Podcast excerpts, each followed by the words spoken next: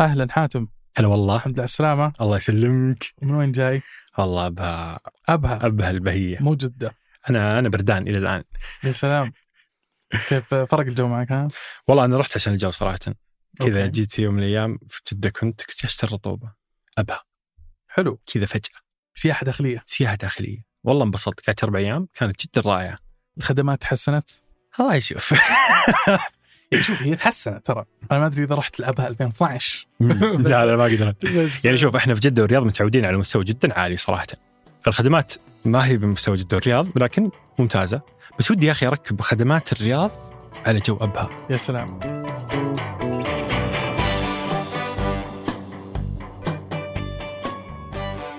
هذا بودكاست الفجر من ثمانية. بودكاست فجر كل يوم نسرد لكم فيه سياق الأخبار اللي تهمكم. معكم أنا حاتم النجار. وأنا فهد البراك.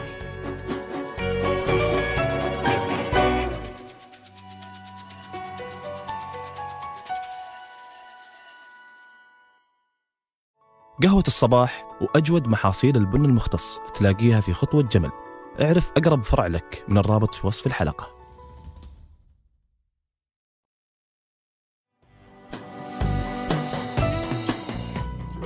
من اكتشاف النفط في الثلاثينيات والسعودية تعتمد على صادرات النفط كمصدر رئيسي للإيرادات وإنتاج الطاقة.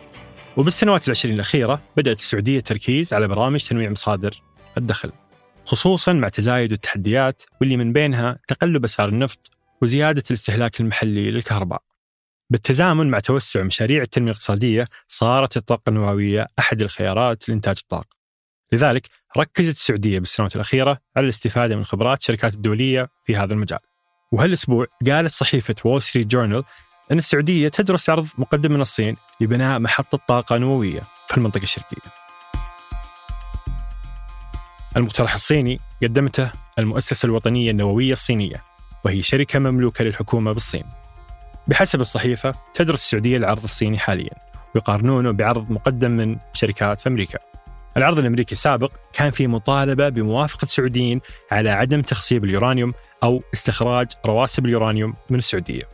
وهذه أحد شروط حظر الانتشار النووي. لكن العرض الصيني الجديد تجاهل هذا الشرط وهو الشيء اللي يشوفه الخبراء فرصة للسعوديين حتى يضغطون على إدارة بايدن عشان تتنازل عن شرط متطلبات حظر الانتشار النووي. أما العرض الثاني اللي يدرسه السعوديين هو بناء مفاعلات المحطة باستخدام الخبرة التشغيلية الأمريكية. بالتعاون مع الشركة الكورية للطاقة الكهربائية. وهي شركة لتطوير مشاريع الطاقة الكهربائية بما في ذلك تلك المتعلقة بالطاقة النووية وطاقة الرياح. لكن العرض الثاني بمساعدة الأمريكيين يحتاج فيه السعوديين إلى التغاضي عن شروط حظر الانتشار النووي اللي تفرضها واشنطن. السعوديين صرحوا بأن العرض الصيني أرخص بنسبة 20% من عروض الشركة الكورية للطاقة الكهربائية ومن شركة EDF الفرنسية. لكنهم ما زالوا يعتقدون أن عرض الشركة الكورية مع الخبرة التشغيلية الأمريكية هو الخيار الأنسب. وفي إبريل الماضي قالت صحيفة نيويورك تايمز بأن المفاوضات بين السعودية وأمريكا بخصوص الطاقة النووية تعثرت هذا التعثر هو اللي قاد السعودية لفتح التعاون مع دول مثل روسيا وفرنسا والصين. وهالتعاون الصيني السعودي يشكل ضغط على الإدارة الأمريكية لكنه جاي من مصالح مشتركة بين الطرفين. فالصينيين يحاولون يعززون نفوذهم بالمنطقة أما السعودية فعندها مشروع وطني للطاقة النووية يخططون ينفذونه بدعم من خبرات الصين. منذ وصول الرئيس الأمريكي جو بايدن إلى البيت الأبيض وطموحات النوويه السعوديه مجمدة تحت ذريعة وزير الطاقة السعودي الأمير عبد العزيز بن سلمان خلال المؤتمر أن السعودية تعمل على برنامجها النووي. الطلب المتزايد على الطاقة في القطاع الصناعي والسكني في السعودية دفعها للتفكير في مصادر طاقة بديلة. وبحسب البيانات يتوقع أن الطلب على الكهرباء يتجاوز وتيرته الحالية ب 120 جيجا واط وتصل تحلية المياه إلى 7 ملايين متر مكعب يوميا بحلول 2030 هذا النمو دفع السعودية للتفكير في حلول مستقبلية لمعالجة الطلب المتزايد على الطاقة. بدأت السعودية في التوجه للطاقة النووية قبل أكثر من عشر سنوات من خلال مجموعة من المشاريع والخطوات التأسيسية. فمثلا في 2010 أعلنت السعودية عن إنشاء مدينة الملك عبد الله للطاقة الذرية والمتجددة. وهي مدينة مختصة بشؤون الطاقة الذرية تهدف لتعزيز تنوع مصادر الطاقة بدل الاعتماد على النفط. أيضا إنشاء هيئة الرقابة النووية والإشعاعية وهو كيان مستقل معني بالرقابة والسلامة النووية يعمل على مراقبة ومتابعة الطوارئ الإشعاعية والنووية.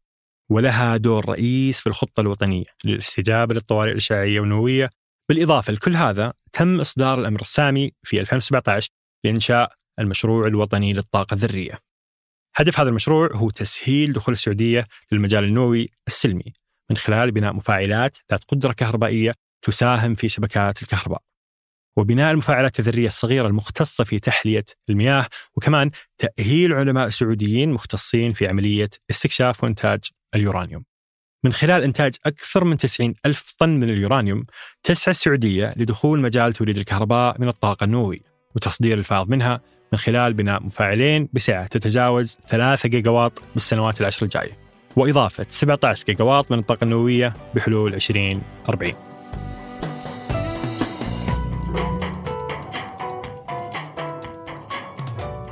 وقبل ننهي الحلقة هذه أخبار على السريع. نجح دواء ويغوفي لإنقاص الوزن من شركة نوفو نوردسك في تخفيف أعراض قصور القلب عند المرضى اللي يعانون من السمنة. ففي دراسة جديدة ثبت أن الدواء يعالج أمراض ثانية مثل قصور مشكلات القلب. الدراسة تم نشرها في مجلة نيو إنجلند للطب. وبحسب كلام المجلة فإن الجرعة الأسبوعية من هالدواء تخفف من أعراض مثل ضيق التنفس والتعب وتورم الساقين وعدم انتظام ضربات القلب. وقال طبيب القلب في جامعة واشنطن ورئيس مجلس الوقاية من أمراض القلب والأوعية الدموية بالكلية الأمريكية لأمراض القلب أن النتائج اللي توصل لها دواء شركة نوفو مهمة للغاية وغالبا يكون الأشخاص اللي يعانون من السمنة معرضين للإصابة بنوع من قصور القلب اللي يحدث لما تضخ حجرة القلب السفلية كمية من الدم أقل مما يحتاج الجسم. وفي أمريكا يعاني ما يقدر بنحو 2.5 مليون شخص من هذه الحالة. أعلنت وزارة الطاقة السعودية عن إصدار أول رخصة في المملكة لنشاط بيع أسطوانات غاز البترول السائل عن طريق مكائن البيع الذاتية. وتهدف الخطوة لتوزيع الغاز الجاف وغاز البترول السائل للأغراض السكنية والتجارية بالإضافة لفتح المنافسة وإلغاء الاحتكار في أنشطة غاز البترول. وراح تتوفر مكائن البيع الذاتية لأسطوانات غاز البترول السائل في محطات الوقود وأسواق التجزئة الكبيرة. وراح تكون متوفرة للمستهلكين على مدار اليوم. وراح يقدر المستهلك يستبدل أسطوانة الغاز بالأسطوانات الفارغة وشراء ملحقات الأسطوانات بكل سهولة. وراح تكون مكائن البيع الذاتية مرتبطة مع تطبيقات الهواتف الذكية لتسهيل الشراء والاستبدال. كشفت منظمات معنية بالأطفال أن أكثر من 500 طفل سوداني ماتوا بسبب الجوع في الأشهر الأربع الماضية بعد ما بدأت الحرب بين الجيش السوداني وقوات الدعم السريع في أبريل الماضي. ونشرت منظمة اليونيسف تقرير بعد مرور 100 يوم على الحرب. وضحت فيه أن كل ساعة يتعرض طفل للموت أو الإصابة بسبب الحرب في السودان. وقالت أن أكثر من 2500 طفل ماتوا خلال الاشتباكات من بداية الحرب. وأشارت أن مليونين طفل تم إجبارهم على ترك مساكنهم من بداية الحرب. ونبهت المنظمة أن ملايين الأطفال يعيشون في أوضاع خطرة وأن أكثر من 13 مليون طفل في حاجة ماسة للمساعدات الإنسانية.